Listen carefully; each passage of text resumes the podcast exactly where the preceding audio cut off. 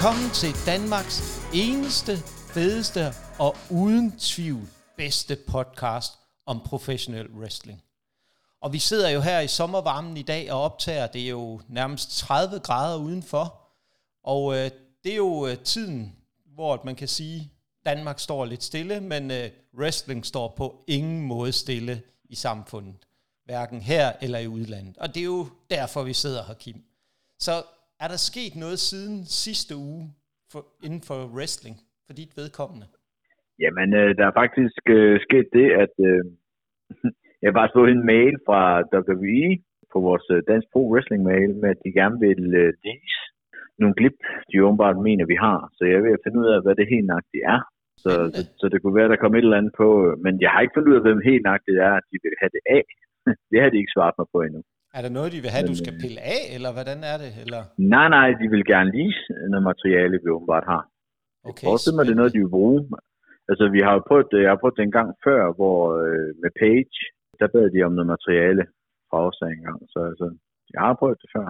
Okay. Så det er ikke sådan, det er helt, øh, du ved, altså man tænker, ah, det er ikke øh, rigtigt. Sådan, jeg har ikke tjekket personen om, om det passer, men altså det, men, men altså det ligner, altså det, det, det minder mig, altså det er ikke sådan, du ved, det er heller ikke sådan, de vil heller ikke have penge, eller Nej. have noget, eller sådan, altså de spørger, om der er mulighed for, at de kan vise noget af, så bla bla bla, så, så det må jeg jo lige se. Jamen. Sidst der fik jeg da ingen penge for det, så hvis jeg kan få penge for det den her gang, så er det jo meget godt. Jamen det vil da være perfekt. Det kunne være, at vi bare mere skulle sørge for, at vi kunne få dem til at nævne vores podcast i stedet for. ja, eller det, kunne, det kan godt være, at jeg begynder at ærge mig over, at jeg ikke har så meget de sidste par år. det kan godt være. Det må vi jo se. Det ja. kan jo være det her, det kan være din sidste mulighed, Kim, at stige mod tænderne inden for professional wrestling. Ah, jeg er ret sikker på, at det ikke er noget med mig, de vil have. Jeg, jeg, jeg tænker, det er måske en af dem, de har, eller måske en eller anden, hvem, hvad ved jeg, der kunne være på vej, eller et eller andet sådan noget, der måske har været inde over. Altså, det, det må være sådan et eller andet. Ja. Altså sidst der fik jeg i hvert fald at vide, at det var på grund af Page. Det var noget, hvad de skulle bruge, hvis de skulle bruge nogle billeder fra, du ved, Europa, altså fra, hvad hun har lavet der og sådan noget. Fordi ja, der var masser fra England, men det var vist ret dårlig kvalitet, og vi havde en enkelt kamp med i, i god kvalitet. Så. Okay. Men altså, jeg må indrømme, jeg har aldrig set noget af det. Men altså, de fik det i hvert fald tilsendt. Så. Og det var Page selv, der havde sagt, at vi havde den kamp. Så, så det var ikke bare sådan, hun bare gav dem materiale. Hun sagde faktisk, at de skulle kontakte os for det at vide. Så det var rimelig cool. Det er da super spændende, at uh, der sker noget i den retning. Det er, jo, det er jo altid rart, at man kan sige, at man på en eller anden måde har været med til at få nogle spirende talenter frem, helt frem i bussen. Kan man ja, sige. Helt, altså, helt, så, helt, helt sikkert. Jeg, jeg sad bare lige med en tanke, det var en, der lige faldt mig ind sådan her på falderæbet, indtil jeg også uh, skal fortælle lidt om wrestling. Det var, at jeg sad og tænkte på, om det var fordi, de havde svært ved at finde. De havde uh, tænkt sig, at de ville hjælpe Ric Flair. Han har jo sin last såkaldte match her øh, 1. august. Så det kunne godt være, at de manglede en, der ligesom kunne øh, bide skære med Ric ja. Flair. Det, det var ja, men det er jo ikke rigtigt. Kim. Det er jo ikke rigtigt, vi, der, der, der arrangerer det jo. Det var hans svigersøn, der arrangerer det. Ja, det ved jeg godt, men øh, efterhånden så er de jo begyndt at arbejde lidt på kryds og tværs. Ja, så ja. Det, det kunne jo godt have været, men øh, det bliver ikke den her gang, Kim, fordi jeg har lige set, han partner op med Andrade El Idolo, hans øh, gode gamle svigersøn, mod uh, Jay Lethal og Double J Jeff Jarrett. Det, det... Ja, men jeg havde det godt. Jeg havde det lidt på fornemmelsen med Jeff Jarrett, fordi nu hører jeg hans podcast, og han vil ikke sådan. Og han blev ved med at sige, jamen, du ved, han har jo fået job ved WWE, og øh, du ved, han, han blev ved med at sige, at han var med i det her, og det var han inden, og det var han nødt til ligesom at gennemføre. Så jeg tænkte, han må nok have en god rolle, siden han... Vi blev ved med at nævne det her hele tiden. Så vidt jeg har forstået, at det er Jeff Jarrett, der har booket hele kartet, faktisk. Spændende. Det er også det, det er interessant kart, og det, det er jo også en af de ting, vi har snakket om. Vi helt sikkert vil kigge nærmere på det show, når vi engang kommer der til, fordi det er jo, det er jo altid spændende med Ric Flair. Han er jo en showman uden lige.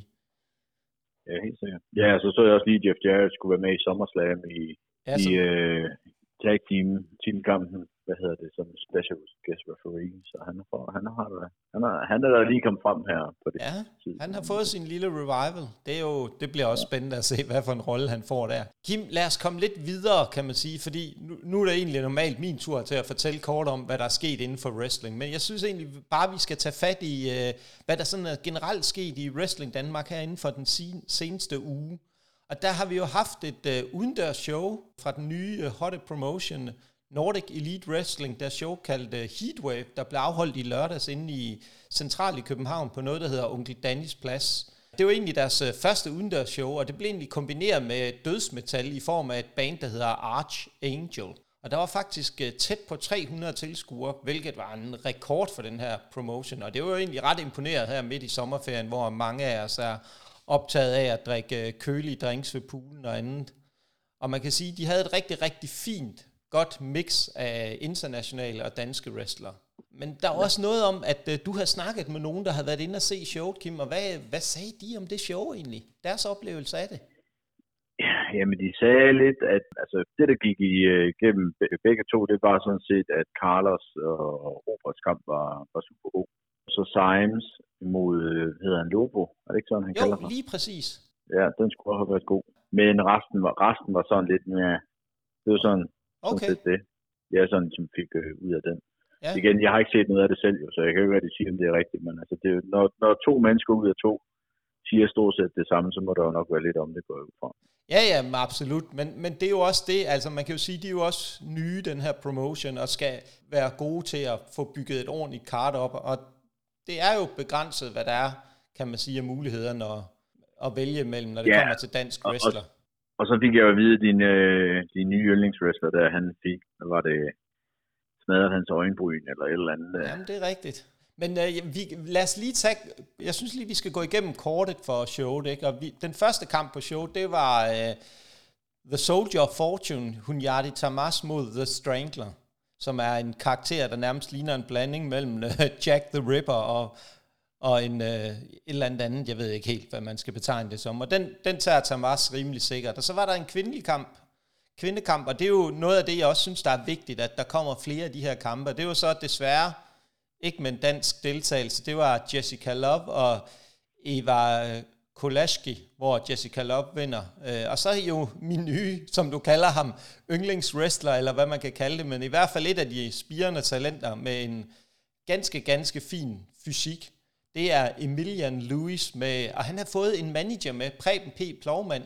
Og ham Preben P. Plovmand, han er jo en rigtig interessant, kan man sige, øh, personlighed, fordi det er jo en af de første managers, vi har set i lang tid i dansk wrestling en uh, type, det var, som... Det var i hvert fald nogle uh, geniale videoer. Jeg så i hvert fald en eller to med ham, tror jeg faktisk. Ja. Uh, de lavede op inden det. De var, de var ret sjove. Ja, de var rigtig, rigtig gode. Han, øh, det, det synes jeg virkelig var godt sat op, det her. Hvordan de fik bygget ham op, og den måde, han kom lidt ind på. Og nu var jeg så heldig at have fået, øh, fået set showet også. Øh, der var nogen, der var søde og sende mig en optagelse. Det eneste, jeg manglede lidt for ham, men det var nok også, fordi han er ny, det var lidt mere interaktion, lidt mere deltagelse i selve kamp blandet sig lidt mere, lidt mere interference, som vi jo kender fra mange af de kampe, vi ser af international karakter. Men det er jo også klart, hvis han er forholdsvis ny, så skal han måske også lige finde sin plads. Var, var han manager for Emil, siger ja. Ja, men det er jo klart, han er også ny, og hans manager er ny, så skal de have det her til at fungere. Det kræver faktisk rigtig meget at få en manager involveret i en kamp. Altså der, der skal man lige have lidt, øh, lige have lidt samarbejde, inden man kan få det rigtigt til at køre, synes jeg. Jamen, det er rigtigt. Det er rigtigt, men jeg har i hvert fald nogle forventninger fremadrettet til, at det kan blive rigtig spændende med Emilian Lewis.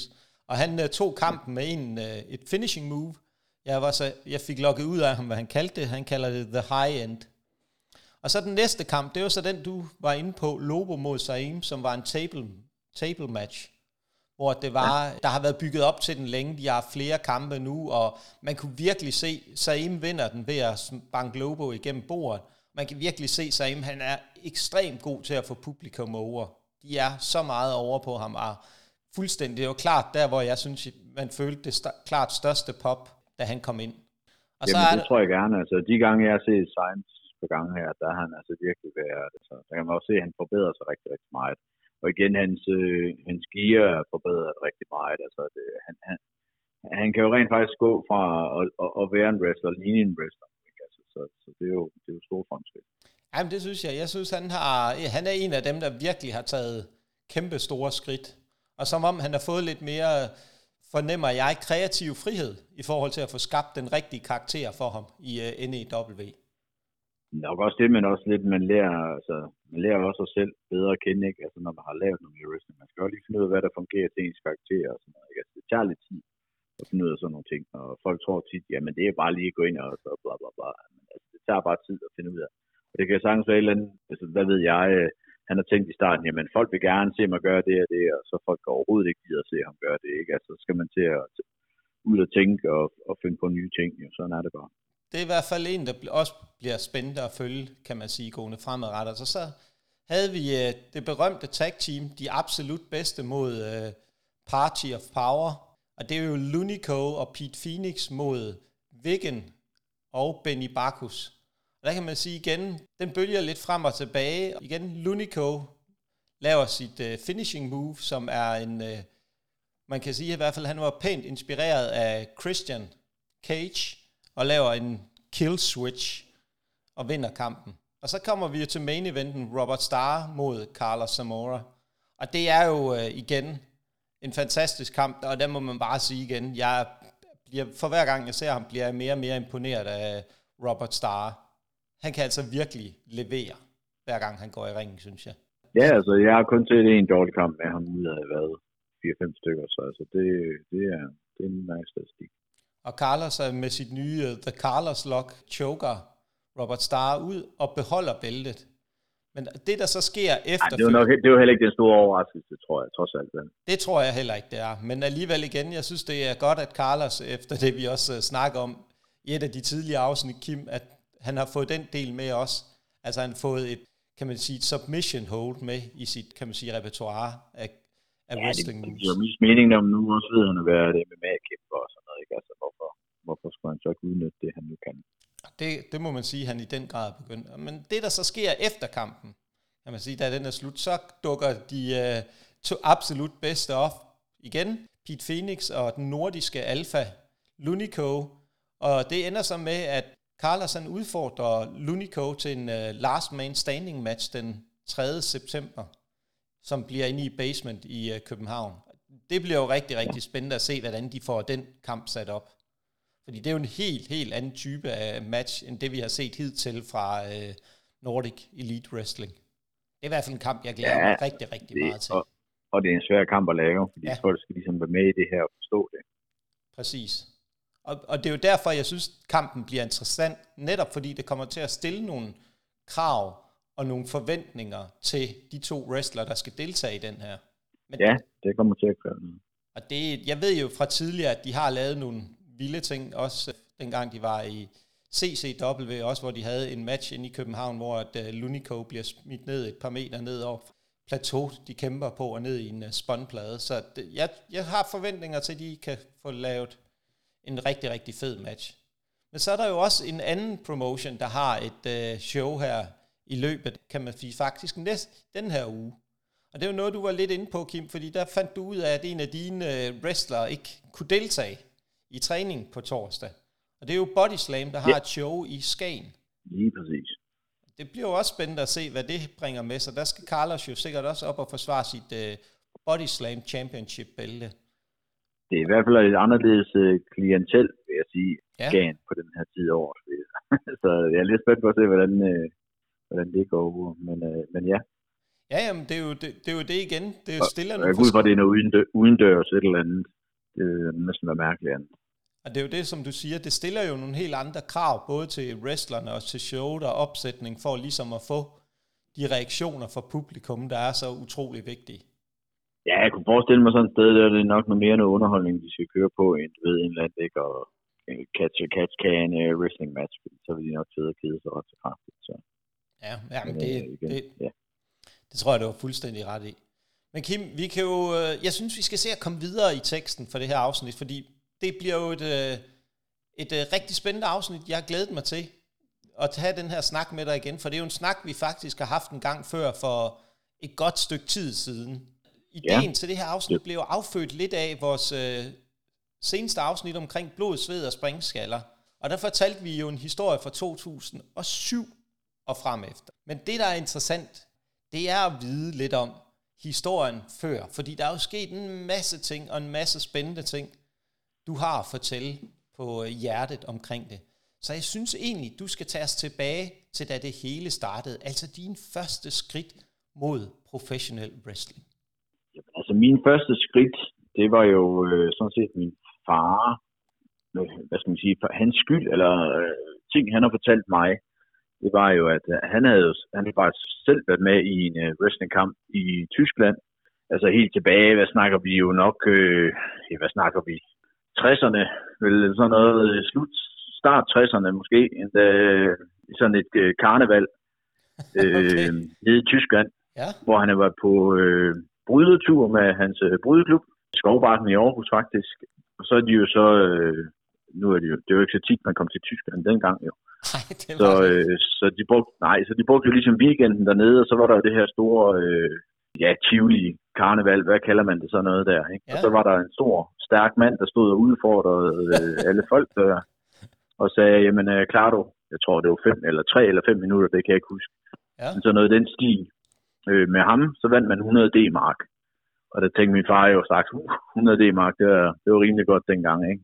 Så han, øh, han tog mod den her udfordring og, og klare de her, den her tidsgrænse. Og som min far siger, det eneste han gjorde, det var sådan set bare at, at løbe rundt. Og så fordi han jo kunne bryde, så hvis han fik lidt fattigere, så kunne han så selv lige få sig øh, smuttet fri og løbe lidt rundt. Og, altså, han sagde, det var ikke noget kønt eller noget, og der var ikke noget aftalt, men altså, han fik de 100 D mark, så man kan sige, jeg er jo nærmest anden generations øh, wrestler. Ja. Man kan jo sige, at wrestlingblodet øh, løber i din overkim. Ja, ja, det kan man næsten sige. Ikke? Og det var jo min far, der sagde sådan set, øh, til mig, at jeg skulle tage og se det på tv i sin tid. Okay. Han har så nok fortrudt det lidt, fordi han synes måske lige, at jeg gik lidt for meget op i wrestling i forhold til min brydning nogle gange. Men sådan var det jo. Ja, ja.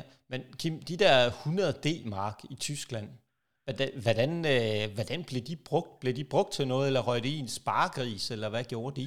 Jeg er sikker på, at han havde ikke en ryd, da han kom hjem, fordi de, han havde taget hele brydholdet med på bytur.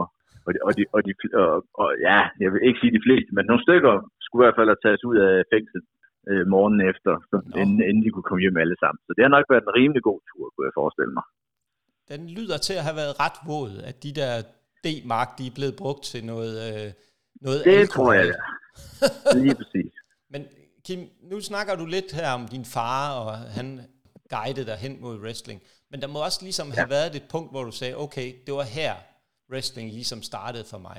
Jamen altså, den første kamp, og jeg er faktisk 99,9% sikker på, at det er helt rigtigt, det er, at den første kamp, jeg ser, det er sammen med min far, ja. inde i Aarhus, i Vestervang, hvor vi boede. Uh. Slår vi op på Sky, og den første kamp, jeg ser, det er Coco Beware mod Jimmy Jack Funk i sådan en anden Superstars of Wrestling. Spændende, spændende. Og jeg kan huske, jamen, jamen det var jo egentlig bare en jobberkamp, altså, hvor Coco Beware går over.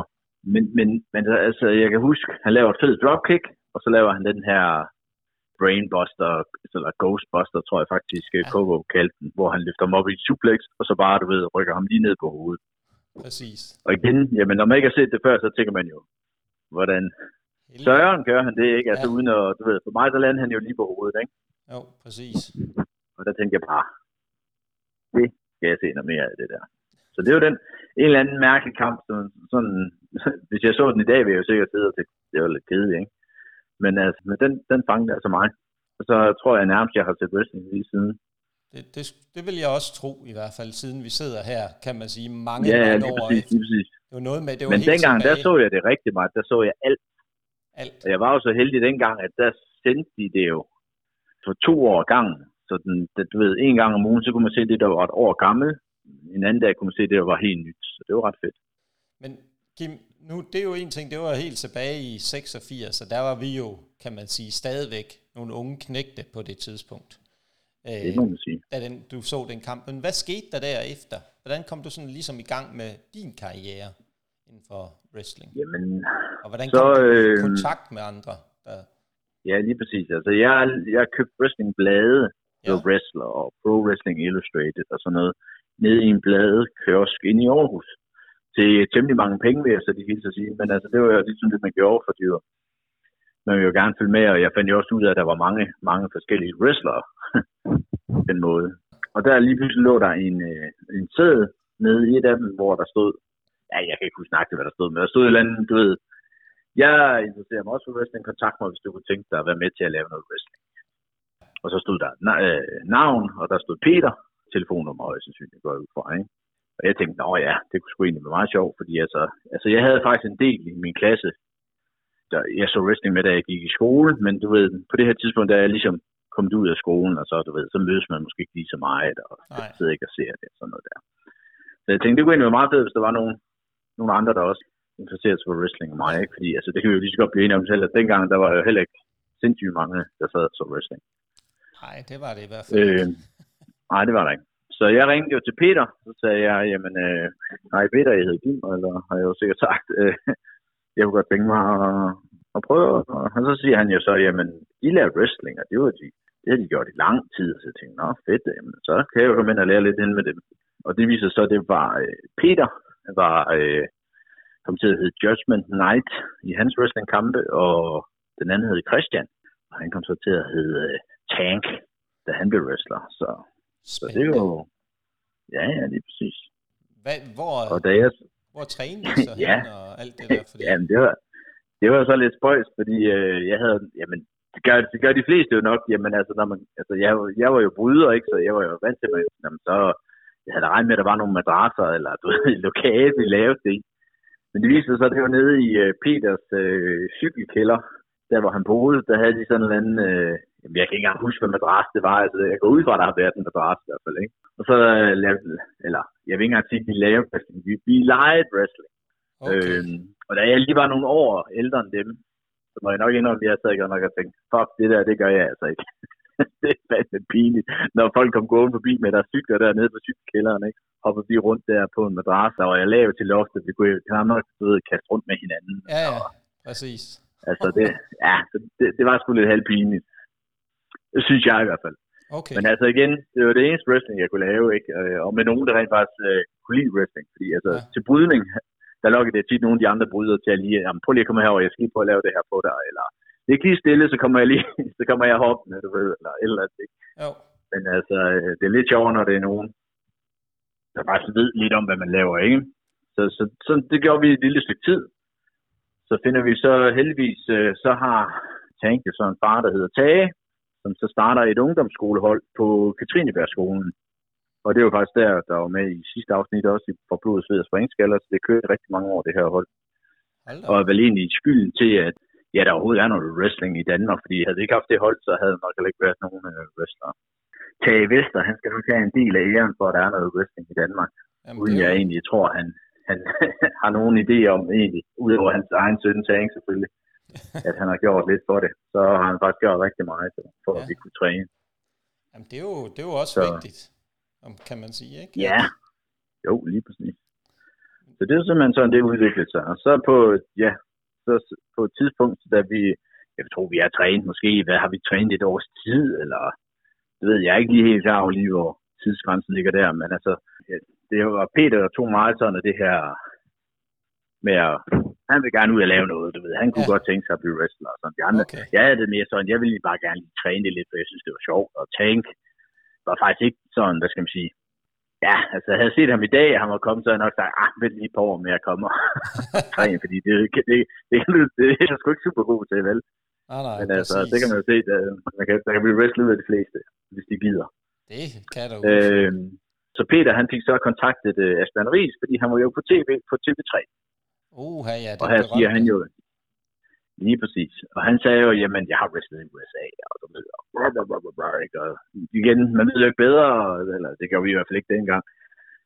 Så vi tror jo selvfølgelig på, hvad den kære Asbjørn siger, og så tænkte jamen, hvad fanden, hvis han kan lære sig at blive rigtig wrestler, og han har jo, han har jo ringen, og du ved, det hele jo. Præcis, alt udstyr. Så, så, ja, præcis, jamen, det er jo, det er jo ligesom at komme i himmel og komme op til ham, ikke? Så vi får jo så aftalt, at skal vi jo så op til ham og træne. Han bor op på, hvad hedder det, Nykøbing Mors. Og øh, jamen, vi er jo nogle unge knejder, altså jeg tror faktisk, Peter og Tang, jamen jeg er ikke engang sikker på, at de er 18. Jeg er nok lige omkring de der 18-19, og de er nok de der, jamen det ved jeg ikke, hvad er de er, den 16-17 år gammel, eller sådan noget den stil. Vi er jo gerne bare nogle knejlerøve. Så vi tager jo bare en bus op til, der var ikke nogen af os, der havde bil, eller jeg har nok kørekort, jeg havde i hvert fald. Så vi tager så en bus op til, øh, til den kære Asbjørn, og vi kommer jo op på den her bus, stoppeplads, står og venter lidt, og vi tænker, nej, nu kommer der nok sådan en eller anden øh, ved, stor, lækker bil. Ja. Fordi han er jo, han er, han må, ja, ja, han har jo tjent penge, ikke? fordi han er jo på TV3, han har været wrestler, altså hvordan kan det, altså du ved, jeg forventede nærmest ud, at folkene stod langs fortoget og klappede ham. Det var faktisk en limousine næsten, du havde forventet, der kom. Ja, ja, men altså lige før, lige Ja. ja. før, ikke? Men det, det er så en sådan lille, jamen det ved jeg ikke, en folkevogns polo, der kommer kørende med øh, to store mænd i. Den ene viser sig at være øh, Bo, det er så, øh, han hed så det, The Assassin, når han wrestlede. Okay. Og den anden, det er så Asbjørn. De sidder på hver deres forsæde, og jeg ved ikke, om du kan forestille dig sådan to gutter på den ene på 130, og den anden på, ja, 140 kilo, sidder der ved siden af hinanden. En polo. Og vi står sådan tre. Ja, ja, lige præcis, ikke? Jeg vil, jeg vil lige vil sige, at jeg tror så, at den hælder lidt til den ene side, ikke? Eller dækkene var næsten flade, eller sådan noget, ikke? Ja. Men øh, der står vi jo så også tre knejder, og vi tænker, nå, shit, hvor skal vi ligesom være, ikke? Fordi den har stort set ikke plads inde i bilen. Og han, Asbjørn, han bliver bare set, så Bo kommer ud, og så lukker han os ind. Og så siger han jo så, nå, og vi siger så goddag, goddag, og Ja. det var fedt, og vi har glædet os. Ja, nu skal vi hen og træne. Og øh, ja, men vi var jo vant til, altså på, øh, på skolen hen i, øh, inde i Aarhus, det blev Katrineberg-skolen, altså vi havde altså selv fået en modder, og vi og, du ved, havde faktisk et OK, Ja, hvad skal man sige, system til at træne i og sådan noget, ikke? lige præcis. Og vi kommer jo så op til Asbjørn, det viser sig at være en gymnastiksag, om han har lejet den eller lånt den, eller hvad han har, det, det kan jeg ikke huske. Og der er en af de her gamle, du ved, de der rullemotter, du ved, man har i Uh, ja. gymnastiksal. Jo jo, Yes. præcis. Du ved, der er bare, jeg ved ikke hvad er den, 5 meter lang og en meter bred, ikke? Jo. Ligesom hvad der er. Ja, det, det var så wrestlingringen, kan jeg næsten regne ud. Ja, det var så wrestlingringen, ikke? Og vi har jo så ligesom sat hele dagen af vide en hel dag. Vi står sådan ligesom og siger, om frem til anden, hvor er ringen, og du ved sådan. Ja. Vi går ud og kæder om, du ved, vi kan huske sådan, så meget lidt om. Jamen, skal vi så sætte ringen op, tror I, eller hvornår kommer ringen? Ikke, altså, det er jo meget, der vi jo glædet til at komme ind i den her skide wrestlingring, ikke? Præcis. Der var ikke nogen af os, der havde prøvet jo. Nej. Men øh, nej, der var sgu ikke nogen der var sgu ikke nogen ring. Det var den der rullemod. Og så fandt vi det så heldigvis ud af, at der var en blød måtte, ved en lidt tykkere. Vi så fik lov til at ligge hen for enden, så, så for ellers skulle vi jo have startet med at lave alle kasten, ved, på, ja, vi ville godt bare lære det på gymnastikgulvet stort set, jo ikke? Ja, jamen, det kunne jo så selvfølgelig have, kan man sige, gjort jer lidt øh, standhaftige og modstandsdygtige i fremtiden. Ja, ja. Ja, jamen, der har jeg et par historier med nogen, der kun har trænet på nærmest ja, græs og jord, så, Ja. så den kommer. Uh, Men altså, det var sådan set øh, sådan, det startede. Øh, og vi har, jeg tror faktisk, vi er deroppe weekend, sådan som jeg husker det. Ja, Og Asbjørn siger jo så, jamen han har et wrestling show, og han skal sådan set bruge to wrestlere. ja. Fordi ham og Bo, de skal møde hinanden, og så skal han have de to. En af, ja, vi er jo tre, ikke? Og vi kan jo ligesom godt fornemme, åh, han skal kun bruge to, det er lidt noget lort. Mm. Øh, så det er jo sådan, det er jo, men altså, øh, som vi også snakker om på vejen, da vi så kører hjem, jeg siger bare, jamen altså, hvad fanden skal vi gøre? Altså, vi er jo nødt til, altså, det er jo ikke os, der vælger dem. Altså, altså Asbjørn må jo vælge dem, han skal bruge. Og jeg er sådan, altså, jeg må lige så godt bare være helt ærlig sige, jeg er jo sådan 99% sikker på, at jamen, jeg skulle i hvert fald nok være en af dem. Selvfølgelig. Fordi, altså, igen, så var det sådan ligesom, jeg kunne godt se, at jeg ligesom, hvad skal man sige, trænede lidt de andre på. Fordi igen, jeg var jo ude, jeg kunne mange af kastene, jeg kunne falde, og jeg kunne rulle, og så videre, og så videre, ikke? Jo, jo, præcis. Men til gengæld var jeg så stadigvæk, jeg tror selv dengang var jeg nok, jeg var faktisk den mindste af os tre. Så jeg vidste ikke helt, om størrelsen kunne gøre lidt. Men altså, jeg kunne jo lave, det vidste jeg jo, jeg kunne lave, øh, du ved, øh, backflip, front, øh, sensomodaler og alt sådan noget. Så jeg skulle nok kunne imponere, bare Ja, ja. være sikker på, hvis jeg fik chancen. Og så er det jo så, at man siger, at det er vigtigt, at I kommer til næste træning, fordi det er ligesom der, jeg udtager, øh, hvem der nu er, der skal være, have den her kamp på showet. Og vi finder så ud af, at man får faktisk to kampe, fordi man så både får en single kamp, og så bagefter skal en af os være mod Asbjørn øh, i en tag team kamp, og den anden skal være med Asbjørn i en tag team kamp. Så det Ja. gør det jo kun, du ved. Vi er stadigvæk sådan lidt op at køre, selvom det hele egentlig ikke var jamen, i nærheden af det, vi forventede, synes vi stadigvæk, det var pisse fedt, ikke? fordi vi kunne komme ud og lave en wrestlingkamp. Nej, nej, det er Igen. klart. Ens første wrestlingkamp, den har man jo kun en af, så det, er jo, det glæder man sig sgu til, ikke? Så, øh, så vi skal jo så op til den her anden træning, Ja, Og igen, jamen altså, jeg er nygift på det her tidspunkt, der har, øh, ja, jeg har nok, jeg kan ikke engang huske, om jeg har et eller to børn allerede på det tidspunkt. Jeg har i hvert fald et. Så mine penge, du ved, det var ikke, det var ikke det helt store, jeg havde at gøre med.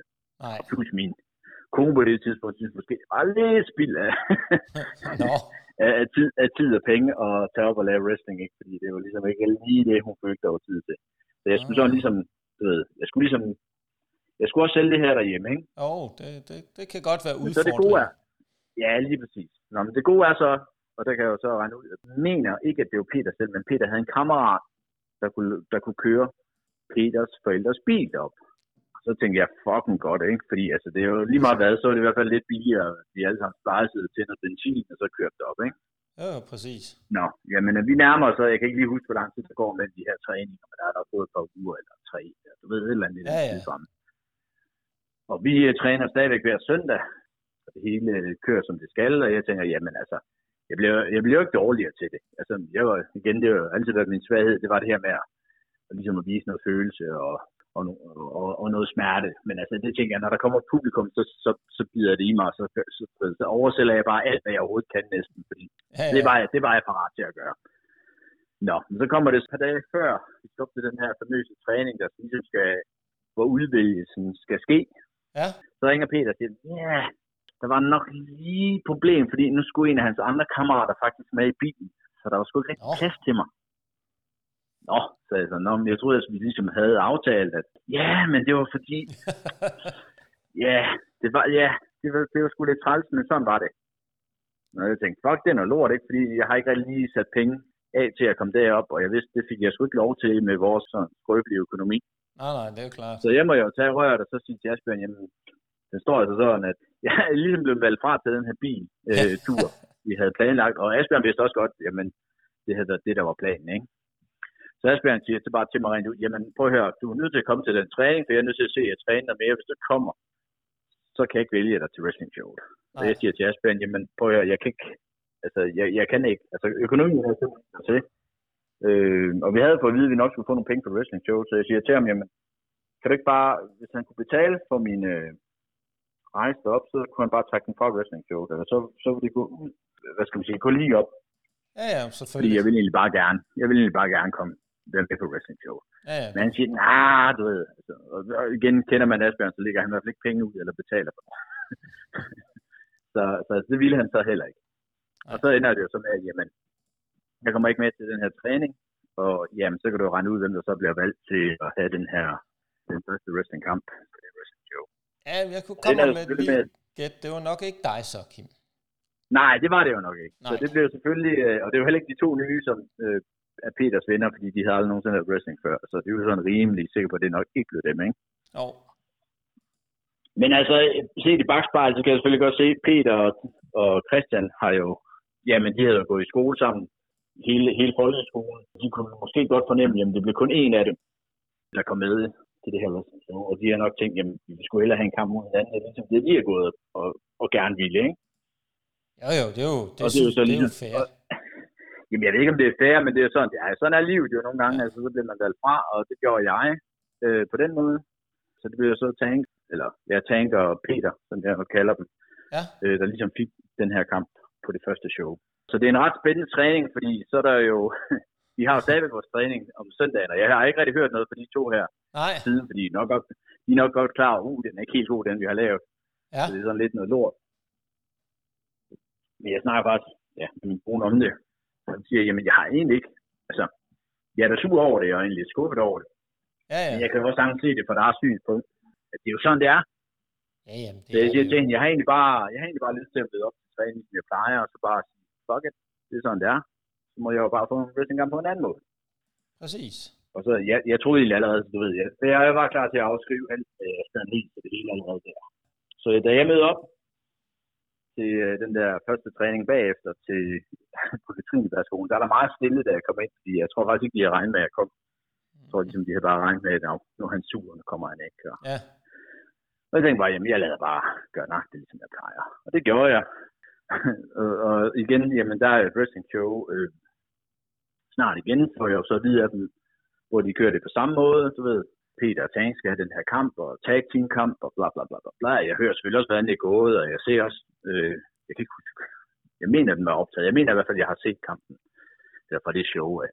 Og jeg tænker, jamen, der er jo ikke rigtig noget, jeg ved. Det blev ikke mig, og sådan er det jo. Altså, Ja, ja. Jeg, blev, jeg, jeg, kunne bare godt lide at komme ned og lave wrestling en gang om, om ugen, fordi det var sådan set det eneste, jeg lige havde, hvor jeg gik derhjemme med unger og, og det hele, ikke?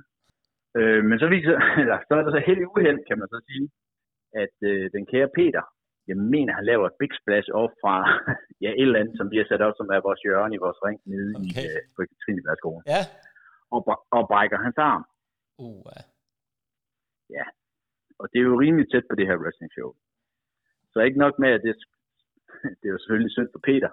ja. Og det gør faktisk sådan, at han stopper med at lave wrestling i, i mange, mange, mange år. Fordi det er ligesom han, ja, jeg tror faktisk, han blev lidt bange for at komme til skade, da det sker.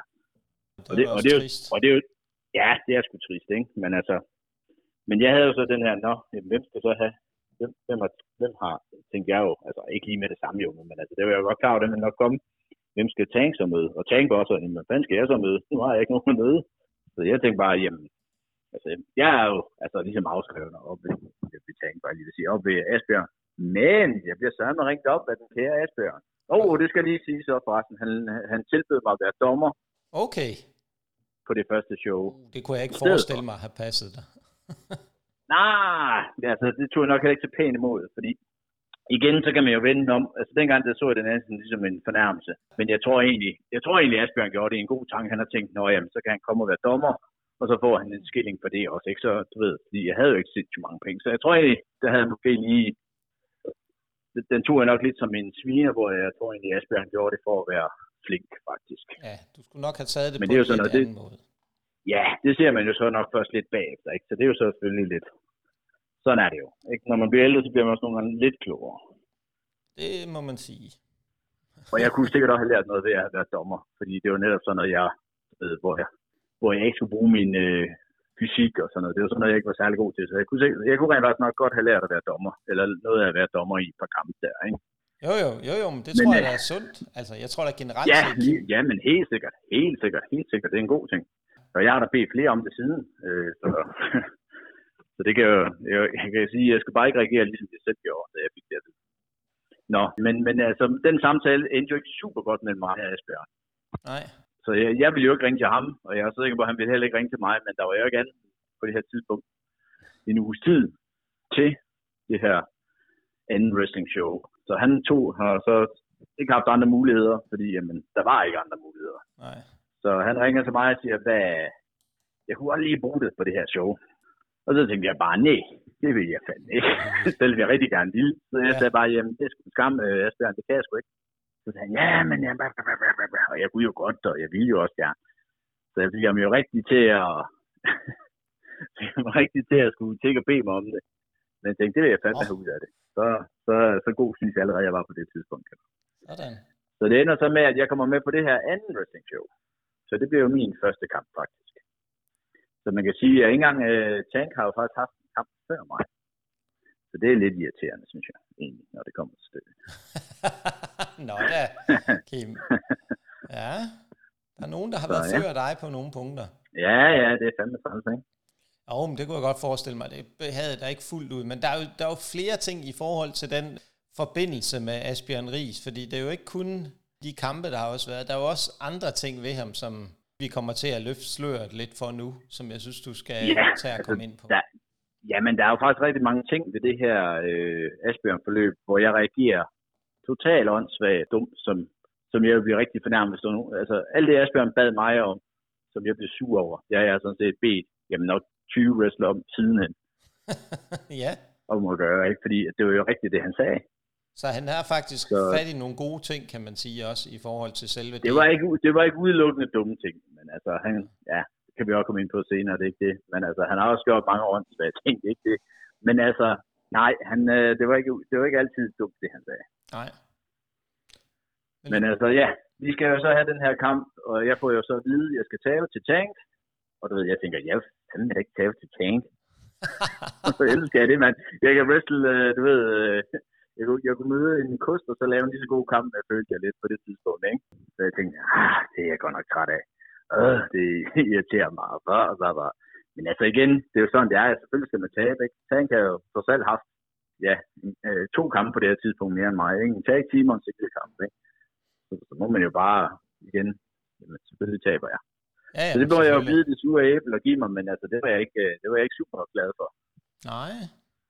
Men altså, sådan var det jo. For vi jo så at vide, at uh, Tang skal slå, slå mig med en stol efter kamp. Ja. Ja, ja, ja, men det hele taget er det faktisk en meget underholdende dag, det her show, fordi det er et, øh, en fodboldafslutning, eller en fodboldturneringsafslutning for børn. Så ja. der er nok, jamen ja, der er i hvert fald tusind mennesker til det her show. Måske endda, jamen jeg ved ikke, om der var flere, men der, der var virkelig mange mennesker. Og nu ved jeg godt, når folk i dag siger jo, åh, jamen, øh, jeg har kun trænet i en ring i øh, to år, før jeg havde min første wrestlingkamp, og ja, uh, det var svært at løbe rebene, så jeg, det gælder for den sags skyld også både Peter og, og Tang. Ja. Der var altså aldrig nogen af os, der havde været oppe i en ring, før vi havde vores kamp. og det var altså en boksering. Ja. Og alle, der var ved lidt om wrestling, om en wrestlingring og en boksering, så ved man godt, der er stor forskel på, hvordan man lander. Hvor, hvor behageligt det er at lande i sådan to forskellige ting der. Det er ikke så behageligt. Nej, det er det ikke. Ja, så Tang, han skal jo så slå mig med over benet med en stol, fordi jeg skal humpe. Jeg ved ikke, jeg hænger og huske, hvorfor jeg skulle humpe, men, øh, men mit problem var bare, at jeg tænkte, fuck, jeg kan ikke finde ud af at sælge det her, jeg kan ikke finde ud af at humpe, og du ved, det kommer til at se mærkeligt ud. Ja. Så jeg siger til Tang, kan du ikke sådan, du er nødt til lige at slå lidt, sådan det lige, øh, du ved, så jeg måske bare lige har, du ved, jeg tænkte, hvis jeg nu har et mærke eller noget, så kan jeg minde mig lidt om, at jeg skal humpe lidt mere, så jeg humper i hele kampen og sådan noget. Og så siger, ja, men det, det, han havde sgu nok ikke, jeg ved ikke, om han havde nogen med stol på det tidspunkt nogensinde. Så det havde han jo nok ikke. Altså, øhm, Nej. Så han står jo også sådan, nå jamen, jamen, det skulle han nok gøre. Så da efter kampen, da han så skulle daske mig, så klasker han jo bare, du ved, den her stol ned i mit knæ. Og ja. tro mig, jeg havde ikke noget problem med at, at, at humpe ind til ring, fordi det kom bare helt, helt naturligt der. Så det var, jeg kan sige, der hjalp han mig lige igen med at, at, at komme lidt frem. Ja, jeg havde i hvert fald allerede min anden kamp, den restede jeg med god smerte i mit ene knæ. Men der var også noget omkring det navn, du brugte til den kamp, Kim, fordi der var noget med ja, ja. Lightning Kill.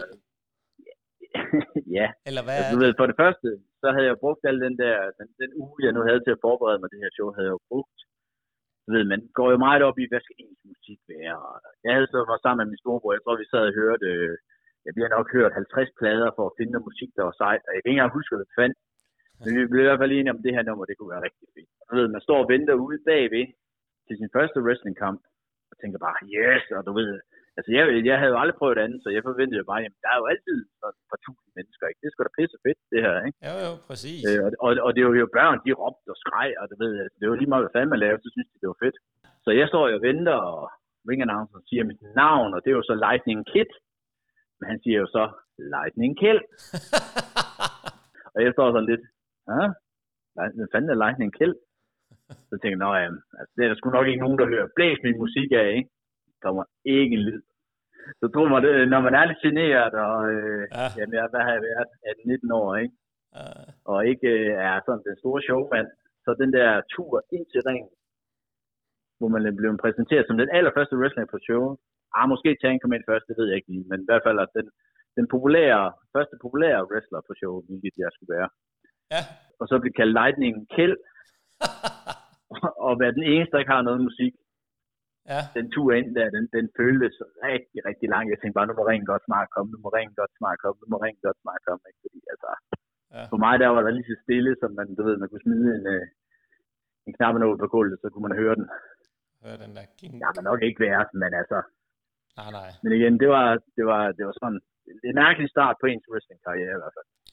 Det, det må man kalde det. Det, det er jo ærgerligt, det navn egentlig ikke har hængt ved. Det synes jeg ellers skulle være fantastisk, ja, hvis du stadig være, det. kunne være, jeg skulle prøve at lave det kunne være, jeg skulle bruge det over i København. Jeg kunne godt få det over det derovre.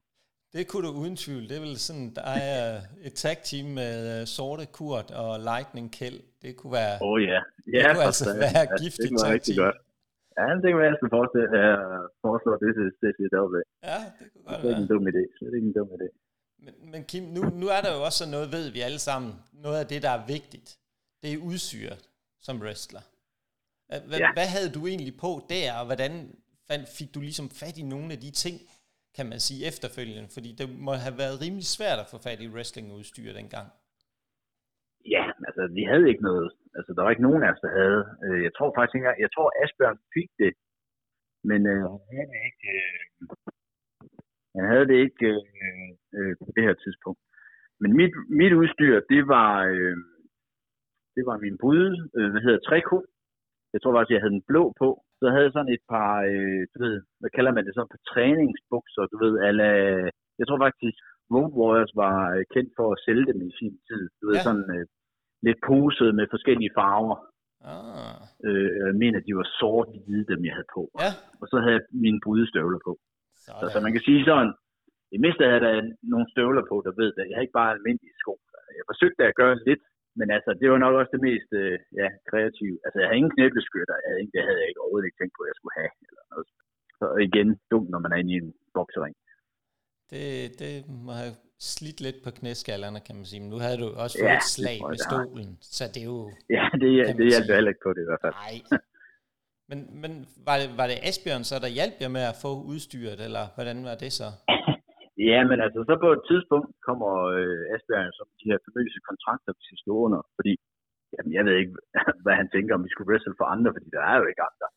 Jeg ved ikke, øh, altså jeg har ingen anelse om, hvorfor vi lige pludselig vi fik en flere sider øh, lang kontrakt, og der stod blandt andet også, jamen vi skulle købe wrestling boots, og jamen jeg tror faktisk kun, det var boots, der stod igennem Asbjørn.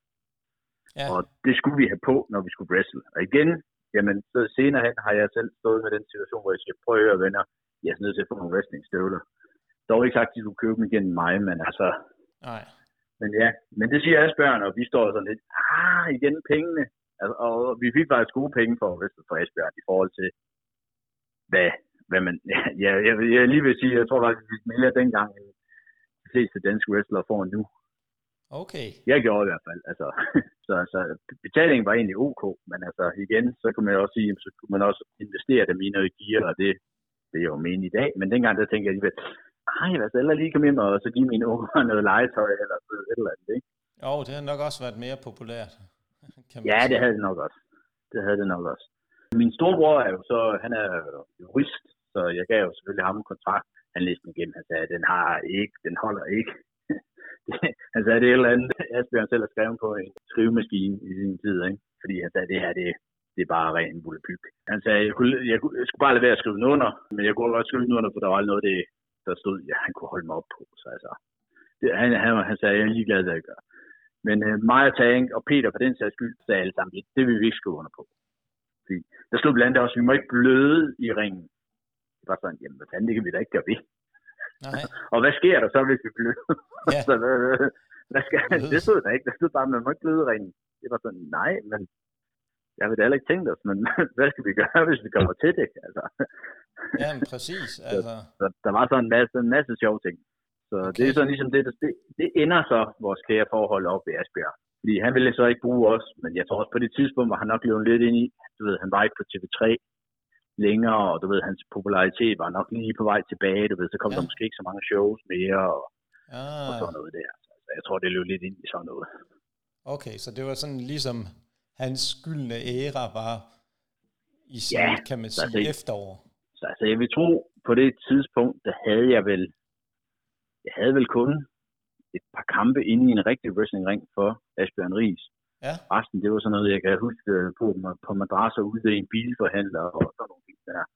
Eller ude på et eller andet, øh, øh, ja, hvad hedder sådan noget igen, øh, Tivoli Fest, en eller anden landsby, hvor der igen ja. var nogle modder, men så kunne, i en bilkar har jeg også haft en kamp, øh, og sådan noget der. Altså, det, jeg ved ikke lige, hvor bilkagen lå, men i hvert fald, øh, i hvert fald det var en bilkage, hvor, ja, hvor, så Asbjørn gad ikke selv at wrestle heller længere, fordi han stod så også hver gang, og sådan noget der. No. Så han var som regel dommer, når, når vi andre havde kamp, og sådan noget. Okay. Det var sådan lidt, lidt spøjs. Men altså, jeg gjorde det gerne, fordi igen, jeg tror, jeg fik 1.500 kroner, du ved, plus rejser per, per, per gang, ikke? Så jeg tænkte, det er sgu fint for mig, ikke? Det var så ned i lommen. Altså, det, dengang var det sgu mange penge for mig, så det var, så gjorde ja, jeg det gerne. Ja, jamen, det kan man godt. Så tager man gerne de knups. Men hvad, hvad skete der så derefter, Kim? Fordi det var ligesom, kan man sige, et skridt på vejen mod øh, blod, sved og springskaller. Hvad skete der derefter, ligesom hvor I kunne ja. mærke, at Asbjørns øh, shine var ved at dø ud? Hvordan kom I videre Jamen, derfra? Jamen altså, jeg tror ikke, vi gik så meget op i, du ved, om Asbjørn var, ikke var på tv eller ikke på tv. Det var ikke så meget, det, det var mere måden, du ved, han skulle have penge for alting. Så du ved, de penge, man egentlig tjente, jamen dem brugte vi jo egentlig. Og vi, når vi var oppe og træne op, jamen, så skulle vi købe mad, eller betale for maden, ved hans, øh, hans kone lavede. Det Okay. ganske glimrende mad og, og, det hele, men du ved, det var bare sådan, man skulle, og man skal, og du ved, når man hele tiden får vide noget, man skal, så, så, bliver jeg, så har jeg det i hvert fald. Så bliver Ja. jeg sådan, nej, så skal jeg ikke. det, det, det dummeste, du gør til mig, det er at sige, jamen, du skal gøre sådan. Igen. Min kæreste bare sige, hvis øh, der er nogen, der siger, at jeg skal gå til højre, så går jeg helt sikkert til venstre, fordi det gør jeg i hvert fald ikke, det jeg bliver sagt til mig. Så sådan har jeg altid haft det. Nå, er du lidt det er nogle trodsig? Ja, det kan det er der mærkeligt nok mange, der siger. Ikke? Jo, nå, det kunne jeg da ikke forestille mig. Jeg synes, du er blid som Nej. Kim. Ja, lige præcis, lige præcis. Altså, Så, øh, så der døde vores, øh, hvad skal man sige, vores forhold, ja, i hvert fald i nogle, øh, noget tid med den kære Asbjørn. Så mig og, jamen, Peter droppede ligesom det her wrestling, ja, og stoppede med at træne. Så mig og Tank var faktisk de eneste to, tror jeg, i, jamen, måske snart i hvert fald nok et år, halvanden, var vi de eneste to, der trænede hver søndag. Men vi fandt jo så ud af mig og Tank, at vi rent faktisk havde sådan, du ved, Tank begyndte at gå lidt op i MMA, og så begyndte ja. jeg også at gå lidt op i det, og så fandt vi ud af, at det, det kunne, jeg også godt, det kunne vi også godt træne sammen og sådan noget, ikke? okay. Så, så det havde det faktisk meget hyggeligt, tror jeg. Eller det havde jeg i hvert fald, når vi trænede sammen. Derimod, altså, da vi startede, der tænkte jeg, tænk, han er sgu af, han, han gider ikke bruge alt for meget tid på, må jeg indrømme, ikke? Fordi, altså, jeg kunne bedre med Peter end med Tank, men til sidst så, så fik jeg jo faktisk rigtig godt forhold med Tank. Og vi øh, finder jo så ud af, at, øh, at vi, vi, vi er jo ligesom nødt til at have nogle flere medlemmer på det her ungdomsskolehold. Fordi Præcis. altså, man kan ikke have et ungdomsskolehold, hvor der er to. det duer sgu ikke rigtigt, vel? Altså, så bliver det jo lukket på et eller andet tidspunkt. Det, Så altså, det vi, er øh, god chance for i hvert fald. Ja, det må man sige. Tage, han var i hvert fald rundt. Jeg, tror, jeg, jeg kan forestille mig, at han har nok plaget øh, alle hans skoleelever, for han var jo skolelærer på, det, på Katrinebergskolen. Ja, Så han har nok plaget alle, hvad han så kunne, om om de ikke nok øh, kunne prøve at tænke sig at lave wrestling og sådan noget der.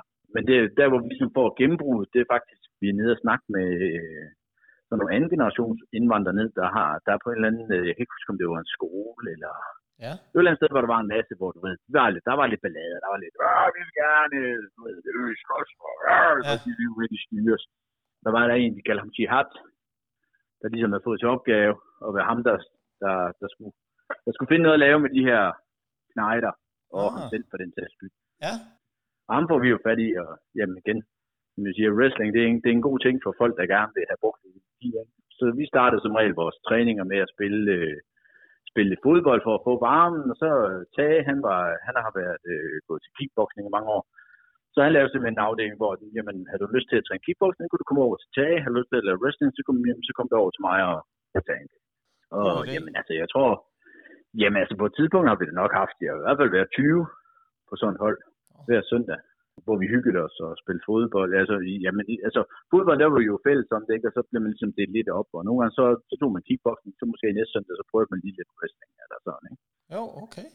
Spændende. Og igen, jamen, der var kommet mange, mange ud af det, blandt andet Prins Mohammed kom på det hold der. Øh, Kuhl Krede var en af Tages elever i skolen, så det er jo igen på navn, et af de, Ja, efter min mening i hvert fald bedste wrestler i Danmark igennem tiderne, kom også op derfra, jamen Pablo dukkede op lige pludselig, altså der er mange. hold da op. Og det glemte jeg også lige at sige, jeg mødte jo Pablo ind i Aarhus Ja, efter øh, det er sidste rigtigt. udsendelse. Han, bor, han bor i naboopgangen, øh, opgangen af, hvor min kæreste boede, så det var lidt pudsigt, at øh, vi har ikke mødt hinanden før, men han stod, jeg stod og, og pakkede min kæreste bil, så lige pludselig siger, hej Kim Tønning, og jeg kigger op så var det Pablo. Hva, hva, var du så ikke i gang med at få ham tilbage i ringen, ligesom du øh, har FVN? Nej, øh, nu, øh, nu ved jeg ikke, øh, han har i hvert fald hørt, øh, der var en podcast, det kan være, han har undersøgt, snart med på, at øh, sige, han, han er et fra wrestling for. Nå, Jamen, det kan vel Det er mere, trænes øh, op, Kim. Et par uger med tror, dig. jeg tror, han er til lidt for meget kageform, stedet for wrestlingform. Nå, ja, ja, men alt kan jo, alt kan jo trænes væk, Kim. Altså, det er jo bare et spørgsmål. Kræver lidt, eller lidt, lidt træning i hvert fald. Så. Okay. Men ja, men altså, sådan var det. Og så mig og Tank og, og, og alle dem her fra det her ungdomsskolehold, Ja, vi begyndte at bygge vores egen ring. Øh, igen, vi havde jo ikke nogen anelse om, hvad en wrestlingring var. Så altså, vi, vi tænkte bare, vi har nogle madrasser, dem lægger vi ind midt i, og så bygger vi en ring udenom. okay. Og man finder jo ud af, at når man skal løbe i nogle ræb, så skal de her ringstolper jo faktisk være rigtig, rigtig stærke. Fordi du kan ikke, ved, Ja, så vælger det. ja, så vælter de jo bare. Ja, Vi lavede bare sådan en ramme, hvor vi så havde de her stolper til at stå. Og så satte vi ræben op og målte op i højde, så det passede med højden af de der madrasser, vi nogle gange havde. Og vi Ja. har fået sådan nogle rigtig dyre, øh, jeg tror det er sådan nogle springgymnastik-madrasser, så du ved, bunden egentlig så hård ud, men var stadigvæk rimelig blød at lande på. Okay. Og det er også dem, vi træner på, hvor Sydney lige er med Ja. springskaller der. Øh, men igen, ud af de her skide ræb og hjørner, du ved, hver gang man løb, jamen, hjørner må jo nærmest falde ind i ringen, ikke? Altså, det var noget lort. Men altså, vi brugte i hvert fald et halvt år, eller i hvert fald et halvt år på at bygge alt det her lort, Ja. som aldrig kom til at virke. Men altså, det, det kunne ligne en ring, hvis det stod op og ikke blev brugt. Så kunne man godt øh, sådan lige... øh, Okay. Så vi smed sådan en forsætning hen over madrasserne, ikke? Og så, så hver gang man når løb, så løb det jo ligesom man løb i en forsætning. Og ja, det har været så ringe, som det næsten kunne være. Men igen, når man ikke har andet, så må man jo prøve med det, man har. Ja, ja, det er jo, det er jo kunne, man, kunne jeg forestille mig, det var ligesom øh, de omstændigheder, der nu var, det var wrestling, så Ja. man tage det der. var. Så jeg, jeg kan sige, at jeg har lavet et 450 splash en eneste gang, og det var for, den, for de der ræb i den ring Okay. øh, i en, til et wrestling show, vi havde inde i år. Så, Ja. øh, så det, det irriterer mig egentlig lidt, at jeg aldrig har gjort det i en rigtig wrestling ring endnu. Jamen, det kan du jo nå endnu, Kim. Du siger jo ikke, at de, Jeg ved, jeg ved ikke, hvem der tør at ligge nede, når det er. jeg tror, jeg tror det, kommer, det kommer med fart, når jeg, hvis jeg skal prøve det nu. ellers så må jeg jo, så må jeg jo tage den, hvis det er. Ja, det vil jeg gerne. Ja, det ved jeg godt, du gerne vil have mig op i en ring. ja, ja. Det, det Ja. kan være den tid, den glæde, kan man sige, Kim. Det er noget, du måske kan glæde dig til en gang her, om, Ja, Ja. ja. det kan vi håbe. når jeg dukker op over i dit uh, domæne. Men hvad, hvad så derfra? Så trænede I, og I havde det hold derude, og hvordan ja, kom men I altså, så vi videre? laver... Jamen altså, meget Tank laver en masse af de her øh, kampe på madrasser rundt omkring på øh, fritidshjem, skoler, og vi får, altså, det hjælper mig rigtig, rigtig meget at komme ud af, fordi der er det ligesom, jamen, du ved, fans, eller hvad skal vi sige, publikum står jo helt op i hovedet på dig. Ja. Du ved, du har, altså vi havde måske, det ved jeg ikke, fire, tre gange fire meter at lave det her på, ikke? Og fans står helt hen ved kanten, ikke? Ja, ja, præcis. Så, så du er ligesom nødt til at, du er nød, ligesom nødt til at komme ud til fansene, og vi vidste jo aldrig, hvad vi kom ud til ellers. Altså, det, det var med til at give mig det her med, at jamen, okay, det er faktisk ikke så farligt at reagere ud til nogle fans. Nej. Øhm, så det, det fik jeg ligesom ud af det i hvert fald. Og vi Okay. holdt da wrestling kørende, uden, altså vi havde igen, vi havde jo ligesom opgivet, at der nogensinde vil komme sådan rigtig wrestling, ikke? Jo. Men så igen, så øh, lige pludselig blev jeg ringet op af Asbjørn, Ja. snakker vi nok, hvad har det været, 2002-3 stykker. Okay. Så det er alligevel lige nogle år, Ja, det må man sige. ikke? Jo, Ja. absolut. Og han siger så, jamen nu øh, var han klar til at give den øh, fuld skrue, øh, du ved, det skulle bare have, du ved, altså det var med udenlandske wrestler, og du ved, en eller anden grund kan jeg huske, han altid nævnte, jeg tror det var Nikolaj Volkov, jeg ved ikke rigtig hvorfor, Nej. fordi det var nok, jeg vil nok. ja, ja, jeg tænker også, hvis jeg skulle booke nogen, ville det nok måske ikke lige ham, jeg ville booke, men altså, ja, ja, whatever. Det var, det var i hvert fald sådan noget, du ved, han sagde, ja, wow, det bliver rigtig godt, og nu har jeg skulle samle alle dem, du ved, at vi havde godt hørt, eller man havde ligesom fået lidt fornemmelse af, at der var måske nogen rundt omkring, der lavede lidt wrestling og sådan Ja. ja. noget, ikke? Jo. Blandt andet de her to brødre, som du nævnte lidt om, øh, Michael og Allan. Amazing Al og Miraculous øh, Mike, tror jeg det var, de hed. Okay. Altså igen, de har, de, har, de har trænet op i deres egen have, og det er altså bare på græsplænen, er hvor jo, de har lært at lave deres egen wrestling på. Så altså, man kan sige, hvis øh, der er nogen, der synes, det går ondt ind i en wrestlingring, jamen, så tror jeg, du skal ringe til de to og forklare dem. Så vil de nok bare sige, ah, det føles ikke så galt. de vil fa- faktisk De laver føle- blandt ja, ja, men de laver suplexes, uh, body slams, Frankensteiner og alt Wow. på, på græsplænen, ikke på hinanden, ikke? Så de var, der var, dem var der vel ikke noget pyler med, var jeg lige ved at sige. Nej, det Og det to super flinke gutter også. Så hvis der er nogen, hvis de nu skulle høre den her podcast, så må de meget gerne lige kontakte. De har først stadigvæk et af mine videobånd fra... Øh, Okay. så kontaktede han så igen.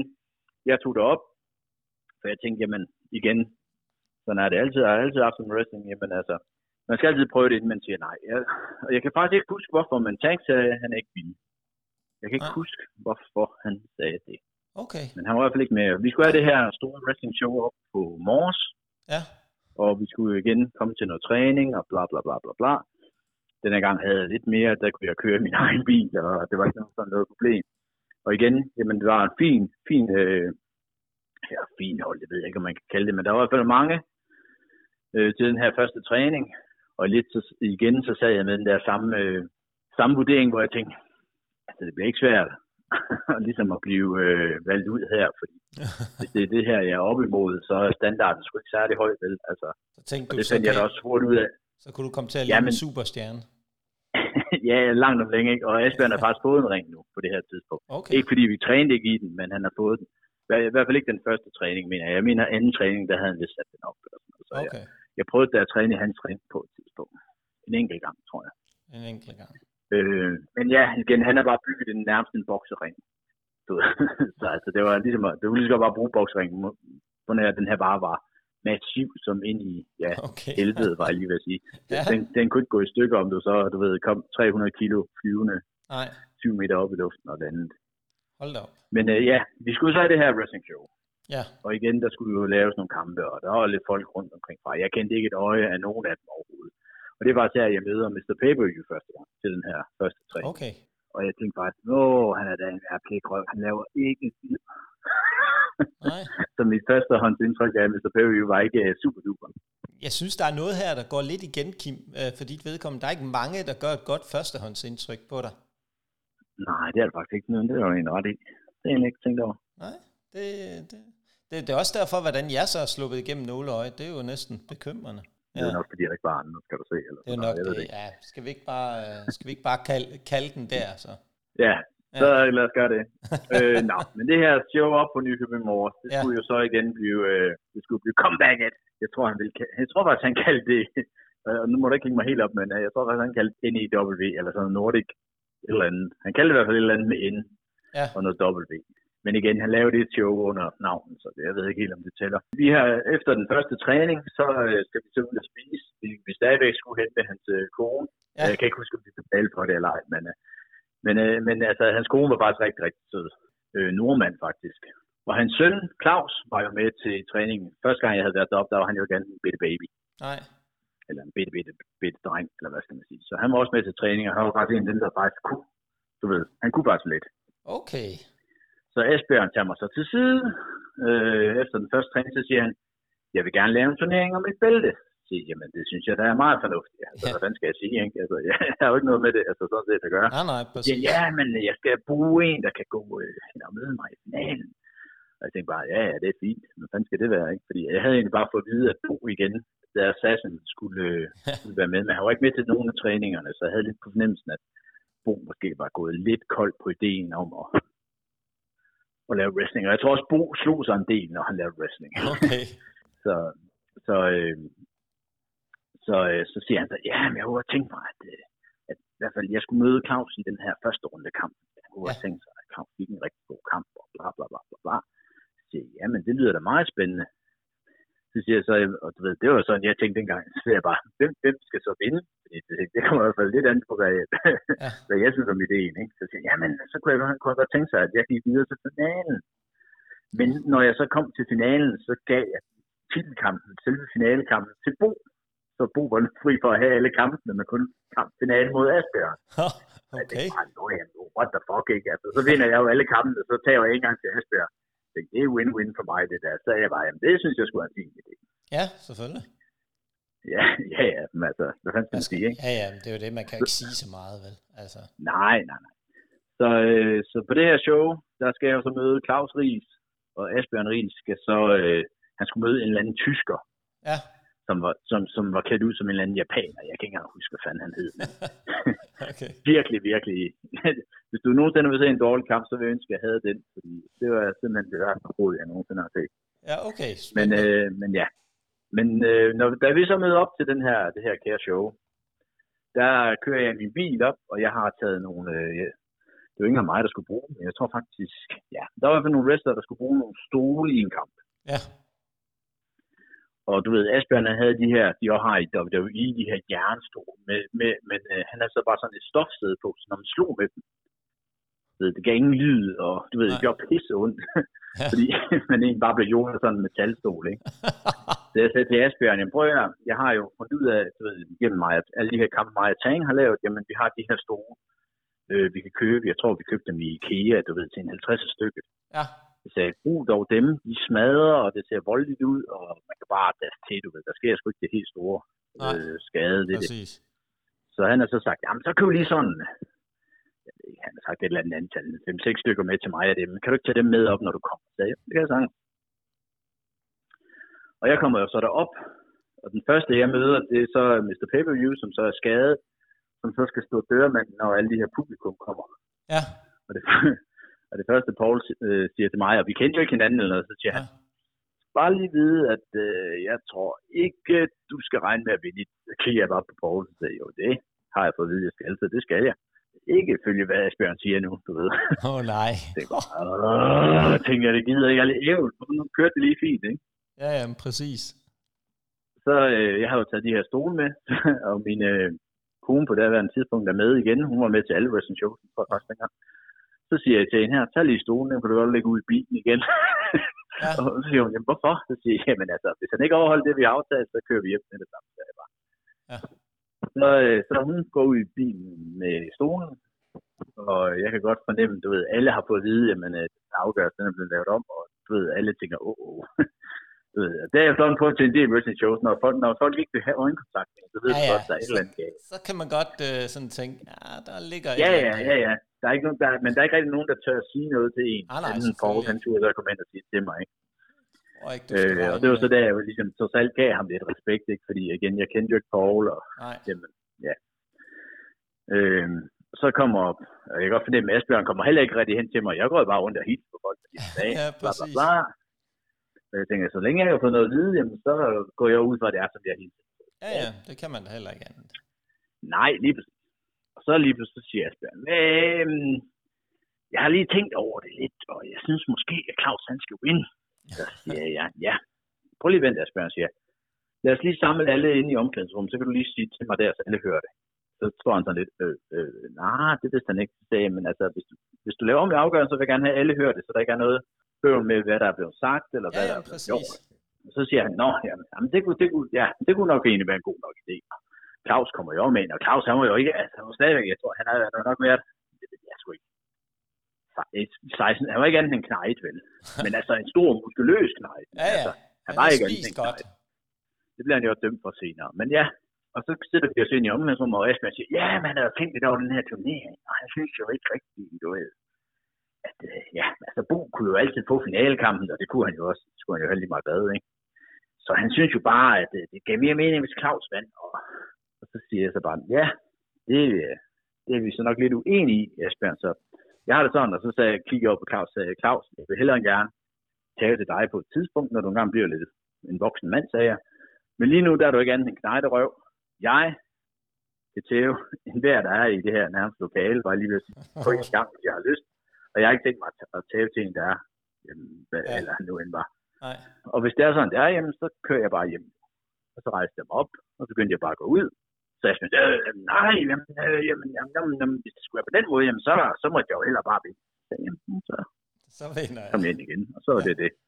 Okay. Så bliver ikke snakke mere om det. Så det var meget sjovt. Det var så mit første opgør, og jeg er glad for, at jeg tog den offentligt, så alle hørte det. Ja, ja.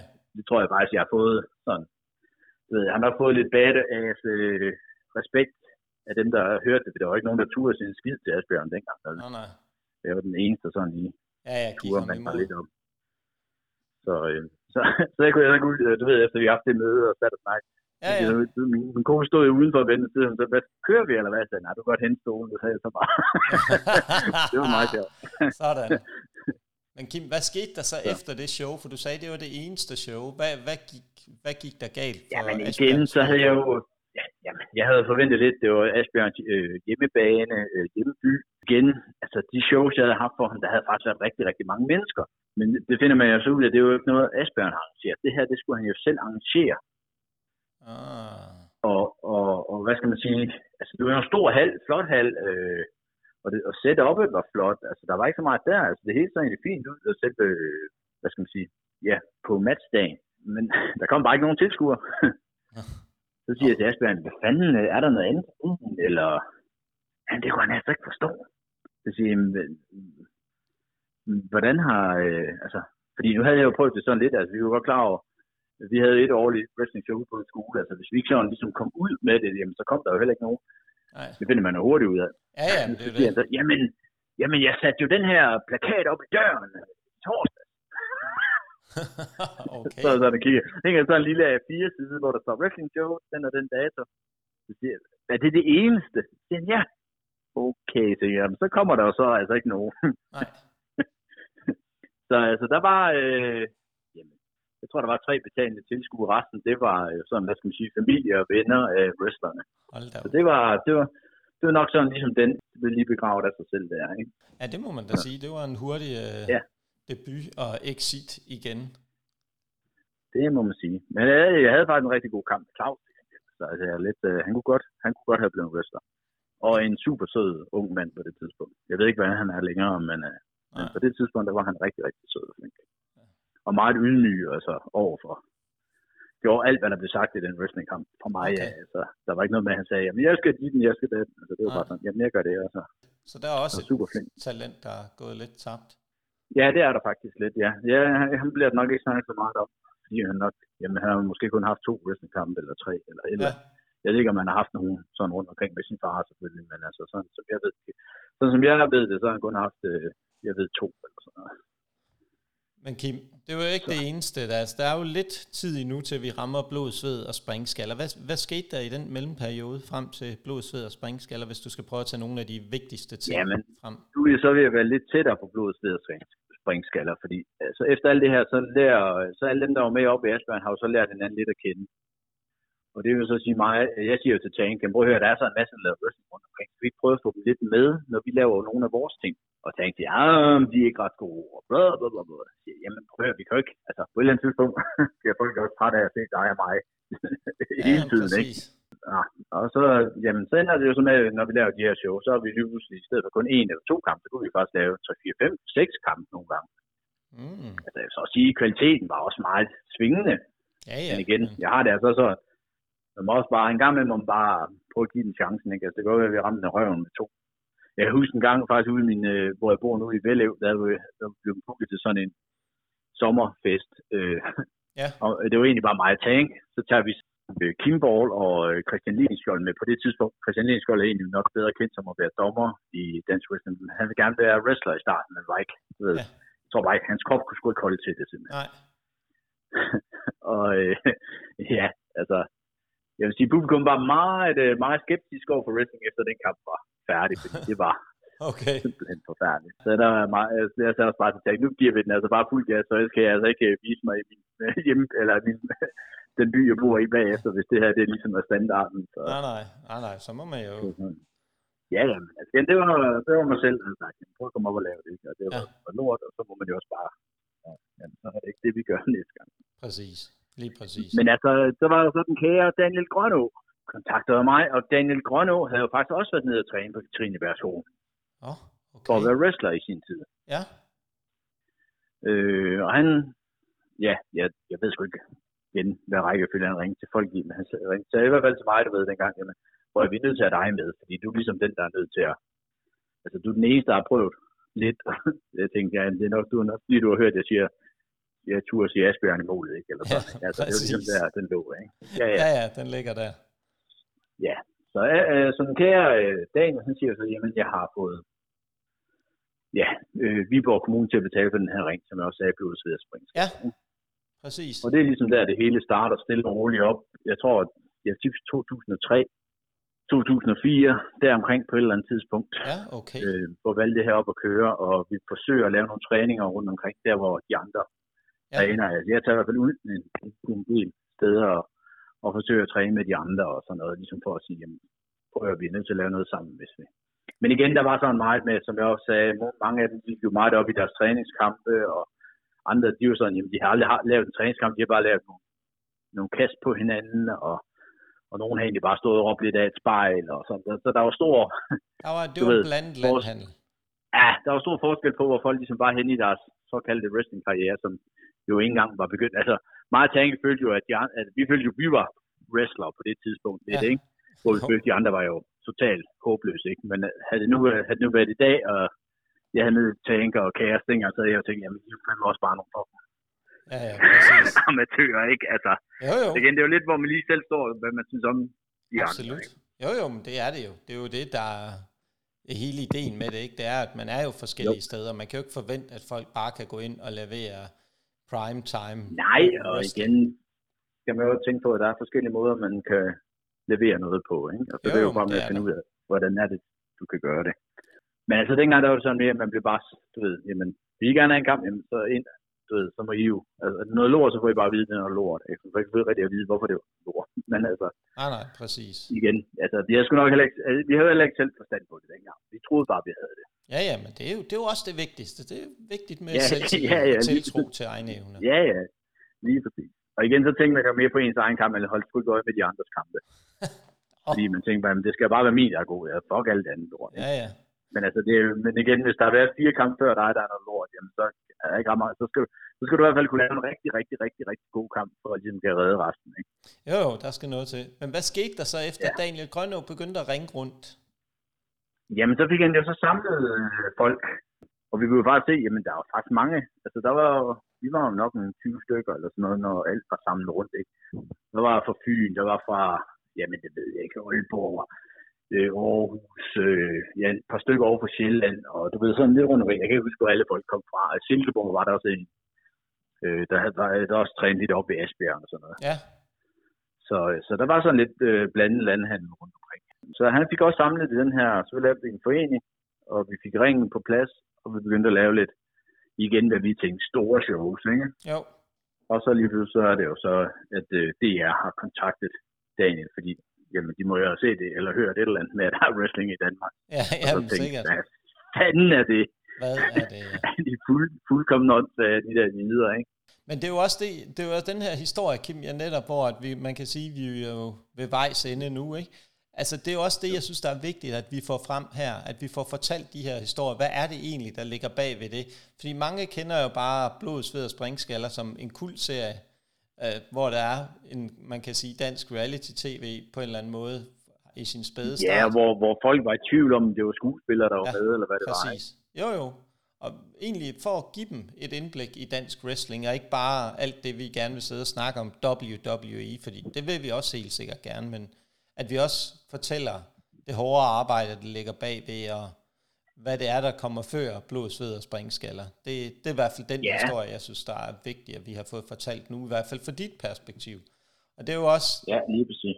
det man kan sige igen, øh, vi stadigvæk gerne jo også vil høre fra andre. Vi har jo, tænker jeg i hvert fald, at vi skal have fat i folkene bag CCW på et tidspunkt og høre deres historie.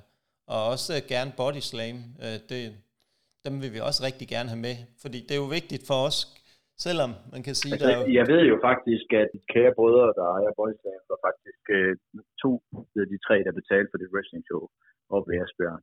okay, Så der var de i hvert fald allerede med som tilskuer. fantastisk, fantastisk. Og, Så der er en lille nogle gange, ikke? Jo, jo, ja. Ja. det, det er der. Det er der. Det, den historie vil vi egentlig også gerne have frem, når de er klar til at fortælle den, hvis de har lyst til at fortælle den på det her show. Vi Ja, kan lige høre, hvad. Det hvad ligger sjovt der at høre. bagved. Ja, absolut. Det vil vi rigtig, rigtig gerne. Men Kim, tak for, fordi du har brugt, kan man si- sige, din tid på vores egen, øh, i vores podcast, og for fortalt en rigtig, rigtig spændende historie om øh, dansk wrestling, spæde start og Esbjørn Ries, som mange kender. Um, og jamen, øh, tak for den her gang, og en ting, vi godt lige vil slutte af med, vi bør egentlig snart få det lagt ind i starten, det bliver jeg simpelthen snart nødt til at lære mig selv at få sagt det. Det er, øh, vi vil godt opfordre alle til at gå ind og øh, følge vores øh, podcast på diverse medier, enten på Apple Podcast, på Spotify, Pocketcast, Google Podcast eller Podimo. Sørg for at anmelde os, følg den, rate vores show, download, hvad I nu kan, og få delt øh, de opslag, vi nogle gange laver på diverse sociale medier. Tak for den her gang, og øh, husk at få set Dansk Wrestling Live. De har brug for jeres støtte.